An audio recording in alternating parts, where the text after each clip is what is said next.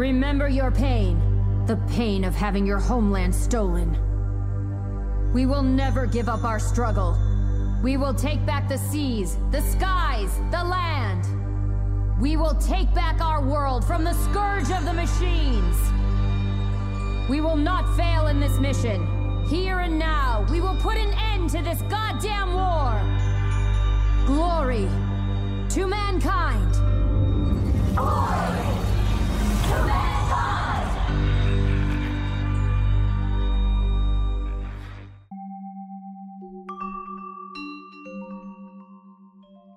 Potwierdziło się wszystko to, co zakładało dowództwo bunkra oraz w głębi swojego kwadratowego serca przeczuwał 9S.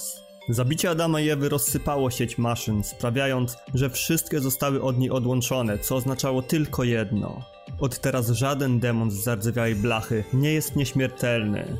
Rada ludzkości podjęła więc szybką decyzję. Pora na ostateczny cios w samo serce maszyn i zakończenie tej wieloletniej wojny, a jednostki Jorchy mają być mieczem wymierzającym karę za wyrządzone krzywdy. Dowódczyni nakazała im przy tym zachować ostrożność, albowiem nawet po rozczłonkowaniu głównych jednostek maszyn, chęć mordu na wszystkich dalej jest główną dyrektywą, jaką będą kierowały się słabsze jednostki. Dodała przy tym, żeby każdy członek Jorchy pamiętał o bólu, jaki wywołała strata Matki Ziemi i żeby nigdy się nie poddawali, albowiem razem odbiorą każdy kawałek wody, nieba i ziemi z rąk najeźdźców, wyplenią mechaniczne demony jak zarazę. Tu i teraz zakończą to, co zaczęli ku chwale ludzkości.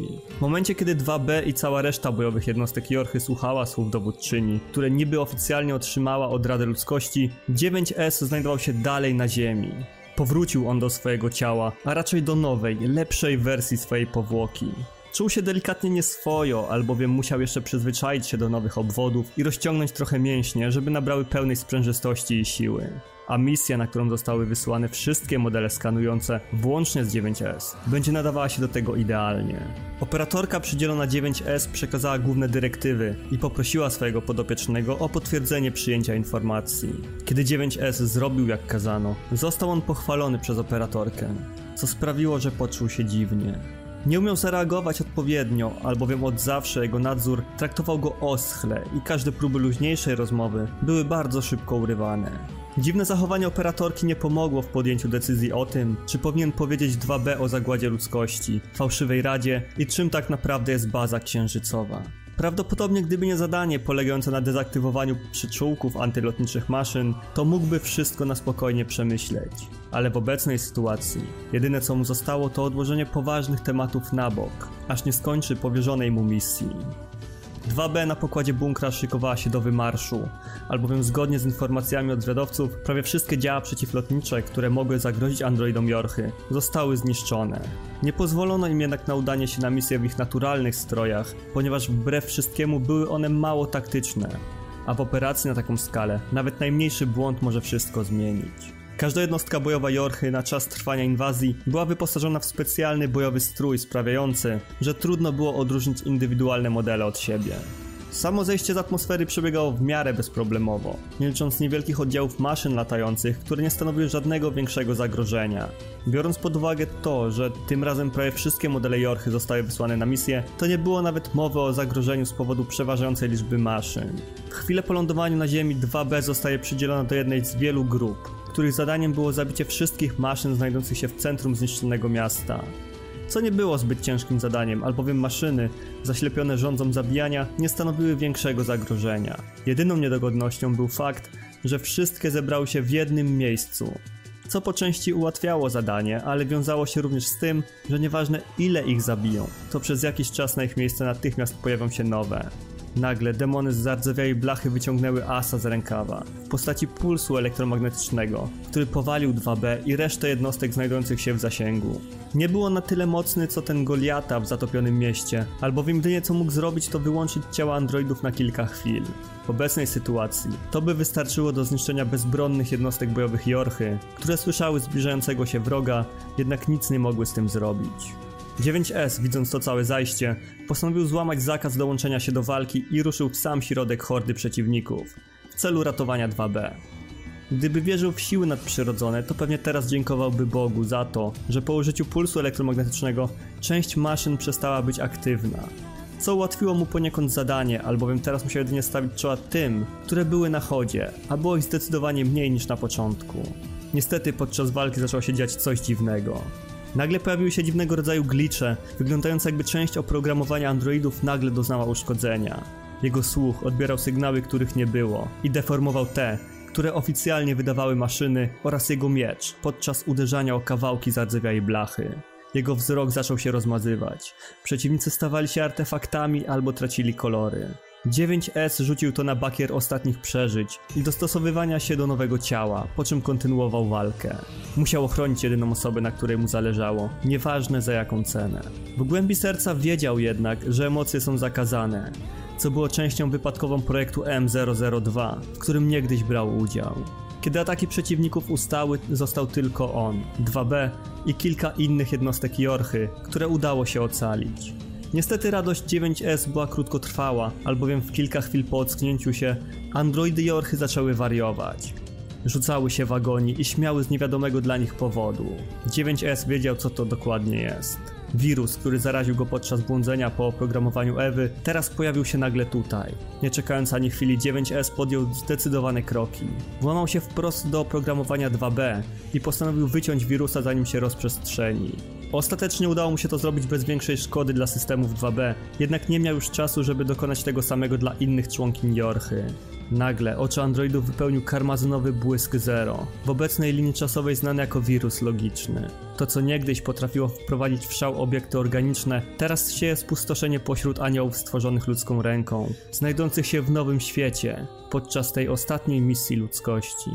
9S i 2B chcieli natychmiast powiadomić dowództwo bunkra o zaistniałej sytuacji, jednak coś blokowało jakiekolwiek próby połączenia się ze stacją na orbicie. 9S wiedział, że normalnie takie problemy stwarzają burze, które normalnie nie występowały już na Ziemi. Albo jakimś cudem, maszyny nagle pozyskały technologię zakłócającą przekaz radiowy. A skoro nie padało, to znak, że pora udać się na polowanie. 2B i 9S niszczyli każdą napotkaną jednostkę maszyn oraz starali się przeżyć w starciu z jednostkami Jorchy, które teraz były owładnięte chorobą karmazynowych oczu. Zabijanie demonów z blachy nie było wyzwaniem, albowiem po odłączeniu od sieci wszystkie były tylko bezmyślnymi maszynami do zabijania. Gorzej wyglądała sprawa, kiedy anioły stworzone ludzką dłonią musiały walczyć ze sobą. Ich umiejętności były porównywalne między modelami, ale fakt, że odgłosom szczęku stali wtórowało maniakalne śmiechy, nie pomagał dwójce przyjaciół. 2B i 9S jednak nie wiedzieli dokładnie na jakiej zasadzie to wszystko działa, albowiem nie byli uczestnikami misji Pearl Harbor jak A2. Śmiech był wywołany faktem, że obwody logiczne androidów nie mogły sobie poradzić ze smutną prawdą o tym, kim kiedyś były. A przynajmniej takim się zdawało, że były. Albowiem nosiły w sobie zapiski DNA ludzi, na których byli bazowani, jednak nie byli nimi w pełni. Stały się bardziej kontenerami na wspomnienia ukryte w DNA niż żywymi osobnikami. Gdyby Dev po to widziały, to pewnie straciłyby zmysły, albowiem żyły pośród nowej generacji gestaltczyków i replikantów, nawet o tym nie wiedząc. Znalezienie osobników zagłuszających sygnał było łatwe, o wiele łatwiejsze niż walka z niedawnymi kamratami, którzy teraz chcą tylko niszczyć, żeby zagłuszyć jakiekolwiek przebłyski wspomnień z poprzedniego życia. Po zniszczeniu wszystkich maszyn, które miały być odpowiedzialne za zakłócenia połączeń z bunkrem, 9S próbował nadać sygnał alarmowy, jednak coś znowu go blokowało. Zupełnie jakby na orbicie znajdował się jeszcze jeden zakłócacz, którego tak łatwo nie obejdą. 2B i 9S nie chcieli się jednak poddawać i postawili wszystko na jedną kartę.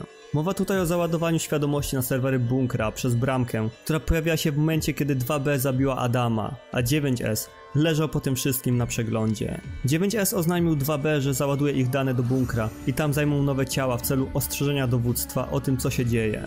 Jednak muszą odciąć się od swoich starych ciał, co oznacza, że coś musiałoby ich zabić w chwilę po tym, jak skończą transfer świadomości. 2B i 9S wiedzieli dokładnie, co muszą zrobić, a czego nikt się nie spodziewał. 2B odpierała ataki androidów oraz maszyn, kiedy 9S włamywał się do serwera bunkra i dokonywał transferu ich świadomości. Kiedy operacja przenosin dobiegła końca, wyciągnęli oni swoje czarne skrzynki w celu wywołania reakcji łańcuchowej i puszczeniu wszystkiego w diabły. W ostatnich chwilach na ziemi 2B i 9S uśmiechali się delikatnie pod nosami, kiedy obserwowali jak biała poświata energii rozrywa wszystko na drobne kawałeczki w promieniu metru, a cały śmiech i krzyk jednostek bojowych ucichł, wraz z nastaniem światłości zmieniającej wygląd otoczenia jak dziecko bawiące się plastyliną. 2B i 9S obudzili się w ciałach zastępczych, znajdujących się wewnątrz orbitalnej bazy nazywanej bunkrem.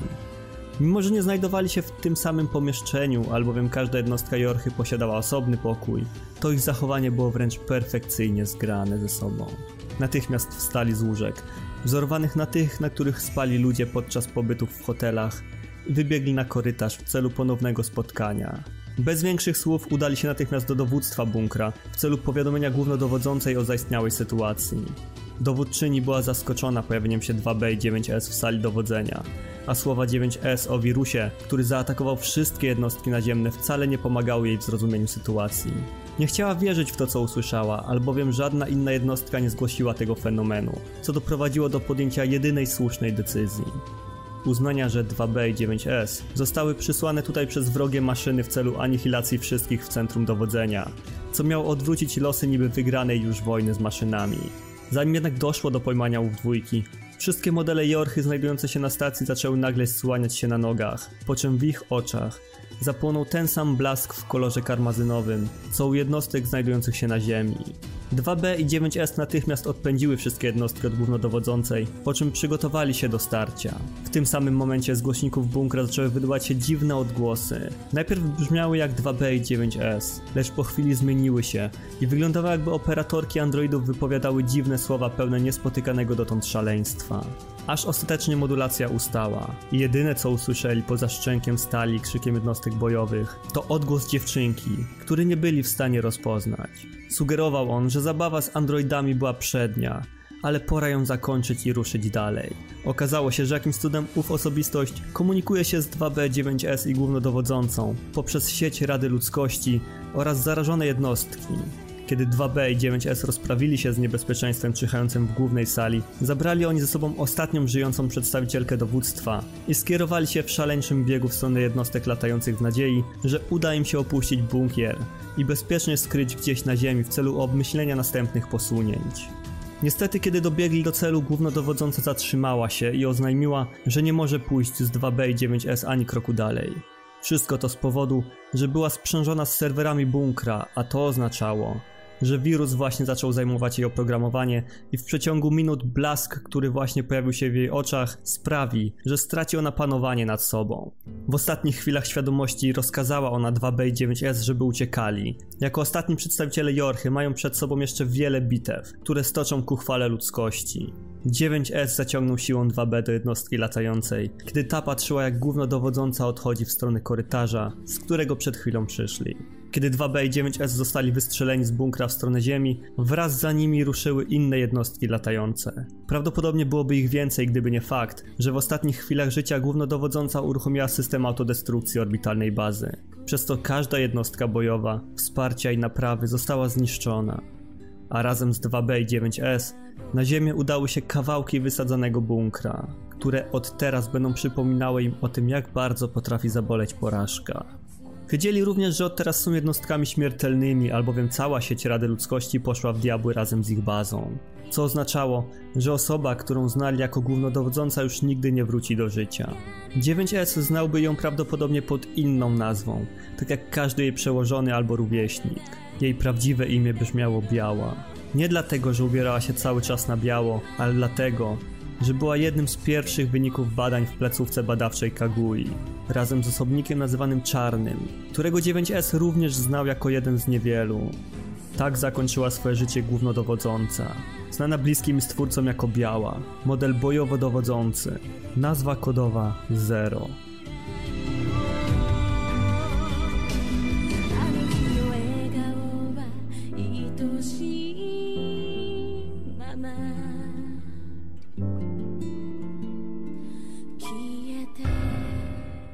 Wlecieli w atmosferę Ziemi i mieli udać się do jedynego znanego im bezpiecznego miejsca. Nagle skanery podów oznajmiły im, że zbliża się niebezpieczeństwo.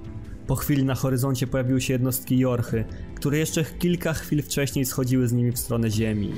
Jak się okazało, nie były to pokojowo nastawione modele, a te zainfekowane, co doprowadziło do sytuacji, gdzie 2B i 9S musieli znowu zabijać swoich byłych sojuszników.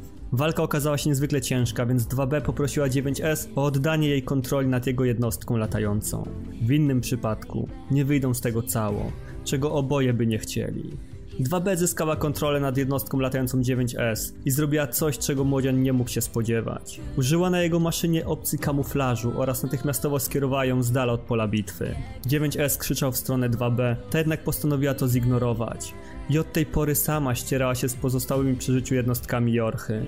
Tym razem udało jej się ochronić 9S i miała nadzieję, że trasa, którą dla niego wybrała, nie okaże się niebezpieczna. Walka sama w sobie nie trwała długo. Rzadkością jest, żeby jedna jednostka bojowa wygrała z innymi w pełni sprawnymi, co doprowadziło do krytycznych uszkodzeń jednostki latającej. Na szczęście udało się jej katapultować blisko zatopionego miasta. Nie posiadała jednak spadochronu, więc całą siłę lądowania musiała przyjąć na siebie. Nagle dookoła niej zaroiło się od maszyn, a jej ciało nie odpowiadało tak jak powinno. Z trudem odpierała ciosy przeciwników i gdyby nie pod, będąc jedyną dalej dobrze działającą rzeczą z całego arsenału, to jej żywot właśnie by się zakończył. Ostatecznie 2B salwowała się ucieczką. Jej niegdyś stworzone do walki ciało miało teraz problemy z utrzymaniem się na prostych nogach. Czuła jak siły ją opuszczają, jednak nie wiedziała z jakiego powodu. Wtedy Pod oznajmił jej ze spokojnym głosem, że wykryto w jej ciele wirusa, który zaczyna się rozprzestrzeniać i wyłączać poszczególne funkcje organizmu. 2B bardzo dobrze wiedziała, co to oznacza. Przekleństwo karmazynowych oczu dosięgło również ją, a z powodu odesłania 9S nie miała nikogo, kto mógłby ją z tego wyciągnąć. Stawiała swoje kroki dość niepewnie, a wirus postępował. 16% skażenia sprawiło, że większość możliwości bojowych jej ciała zostało wyłączone. 30% oznaczało zakłócenia wizji, 60% zagłuszenia w odbiorze dźwięku. Wirus postępował, a 2B stawała się coraz bardziej bezbronna. Nie chciała jednak stać się jedną z tych szalonych jednostek, które zaczęłyby mordować wszystko dookoła, więc zaciągnęła swoje umierające ciało do jedynego wydawałoby się bezpiecznego miejsca jakie znała. Do opuszczonego budynku nad kanionem, gdzie spotkali dziwną głowę maszyny, która brzmiała zupełnie jak człowiek. Ostatkiem sił zerwała z oczu opaskę, jaką każdy przedstawiciel Jorchy musiał nosić i jedyne co jej zostało, to powoli degradujący się wzrok oraz karmazynowy błysk, który to spowodował. Nagle 2B dojrzała niewyraźne kontury czegoś, co mogło przypominać jednostki bojowe Jorchy, co oznaczało, że spokojna śmierć nie będzie jej dana. Starała się odpierać ataki przeciwników, jednak była zbyt słaba. Nagle jak grom z jasnego nieba pojawiła się A2. Bez jakichkolwiek oznaków empatii zabiła wszystkie znajdujące się dookoła 2B androidy. Nie podniosła swojego miecza na 2B, albowiem w głębi serca wiedziała, że to i tak jej koniec. Wydarzenia z misji Pearl Harbor znowu się powtarzały. Tym razem jednak na większą skalę. 2B wbiła swój miecz w ziemię, oznajmiając A2, że to wszystko co posiada. Ta jednak nie zrozumiała o co mogło chodzić 2B. Czemu jakiś miecz miałby być jej skarbem? A2 była pod wrażeniem, że nawet kiedy wirus opanował 90% jej ciała, to 2B potrafiła się kontrolować. W tym czasie 9S przemierzał ruiny miasta najszybciej jak potrafił. Nie przejmował się nawet potyczkami z przeciwnikami, albowiem miał tylko jeden cel: odnaleźć 2B i zapewnić jej bezpieczeństwo. Szukał jej wszędzie, od obozu ruchu oporu, który już praktycznie nie istniał, poprzez miejsce, które odwiedzali wcześniej razem. Jego ostatnim celem okazał się zrujnowany budynek nazywany niegdyś centrum handlowym. Kiedy zbliżał się do celu, zauważył on 2B, jednak nie była ona sama. Stała nad nią A2, która teraz w pełni rozumiała słowa 2B o jej skarbie. Stare modele Jorchy jak numer 02 nie były wyposażone w technologię pozwalającą na krótkotrwały zapis pamięci w ekwipunku. Kiedy to dane z nowych modeli Jorchy mogły zostać odzyskane za pomocą oręża jakim władały, albo nawet strzępków ubrania. Wychodziło na to, że cały strój jaki posiadały był tak przemyślany, żeby służyć dowództwu. Było to bardzo ludzkie w oczach A2, która pamiętała, że ludzie zostawiali po sobie ślady nie tylko w formie pisanej lub cyfrowej, ale także w postaci DNA, czy to skóry, na ścianach swoich domów, na kawałkach kości kończąc. Moment, kiedy A2 dobyła miecza 2B oznaczał dla niej jedno, że teraz skarb 2B stał się jej własnym. Przyjęła przy tym wszystko, co niósł ze sobą skarb pamięci. Wszystkie szczęśliwe, jak i te smutne wspomnienia. Emocje, o których nikt nie chciał mówić oraz te, którymi powinno się dzielić nadzieja na przyszłość i coś, co poczuła pierwszy raz. Uczucie miłości. Ale przecież uczucia pośród Jorchy zostały zakazane. Więc czemu 2B posiada coś tak ludzkiego, będąc tylko maszyną? A2 postanowiła przemyśleć to wszystko później. Przebiła ona ciało 2B jednym czystym śmiertelnym ciosem. takim, o którym wielu z jej przeciwników mogło tylko marzyć. A2 patrzyła głęboko w oczy 2B, co sprawiło, że między nimi powstała jakaś dziwna więź. Nie wiedziała dokładnie co to było, ale czuła, że już kiedyś mogła czuć coś takiego. A nawet jeśli nie ona, to osoba, na której jej model był bazowany. 2B nagle poczuła coś dziwnego. Uczucie nakazujące jej spojrzeć w konkretną stronę. Gdyby wierzyła w siły nadprzyrodzone, to pewnie dziękowałaby Bogu za możliwość zobaczenia 9S na chwilę przed śmiercią. Uśmiechnęła się w ostatnim podrygu świadomości, kiedy to jej ciało zaczęło upadać bezwładnie na ziemię. To był ostatni raz, kiedy 9S widział swoją przyjaciółkę. Ostatni model jednostki bojowej Jorchy 2B o nazwie kodowej Jona. Umarł pod koniec 14 wojny maszyn z rąk osobnika będącego zdrajczynią ludzkości. A2 skierowała oręż zmarłej 2B w kierunku swojej głowy. Zupełnie jakby chciała zrobić sobie krzywdę. Jednak jedyne do czego doszło to ścięcie przez nią włosów do długości jakie posiadała 2B. 9S patrzył na to wszystko stojąc na moście łączącym zrujnowane centrum handlowe z resztą miasta. W jego głowie aż zaczęło się kotłować od sprzecznych bodźców. Kodeks Jorchy mówił, że jakiekolwiek uczucia są zakazane, ale jego ogarniała furia, chęć mordu, pustka, bezradność i wiele innych emocji. Ostatecznie wszystko się wyciszyło, a w jego umyśle powstał prosty wzór definiujący to, co miało się za chwilę stać. Dobył on swojego oręża i z morderczą furią krzyknął w stronę A2, że wypatroszy ją kawałek po kawałku i sprawi, że będzie cierpiała latami, a on nie będzie słuchał jej błagań o zakończenie jej życia. A2 spojrzała na niego i po raz kolejny miała dziwne przeczucie, że powinna go znać. 9S biegł w stronę A2 z zamiarem obezwładnienia jej i znęcania się nad nią przez lata, aż nie ukoi to bólu po stracie 2B. Jednak w dokładnie tym momencie ziemia zadrżała. A jakby znikąd, nagle zaczęły pojawiać się dookoła dziwne białe struktury, przypominające wieże. Most, po którym biegł 9S został zerwany, a ostatni z chłopców w czerni spadł bezwładnie z szaleńczym krzykiem na ustach. A dwa próbowała uciekać, jednak to na nic się nie stało.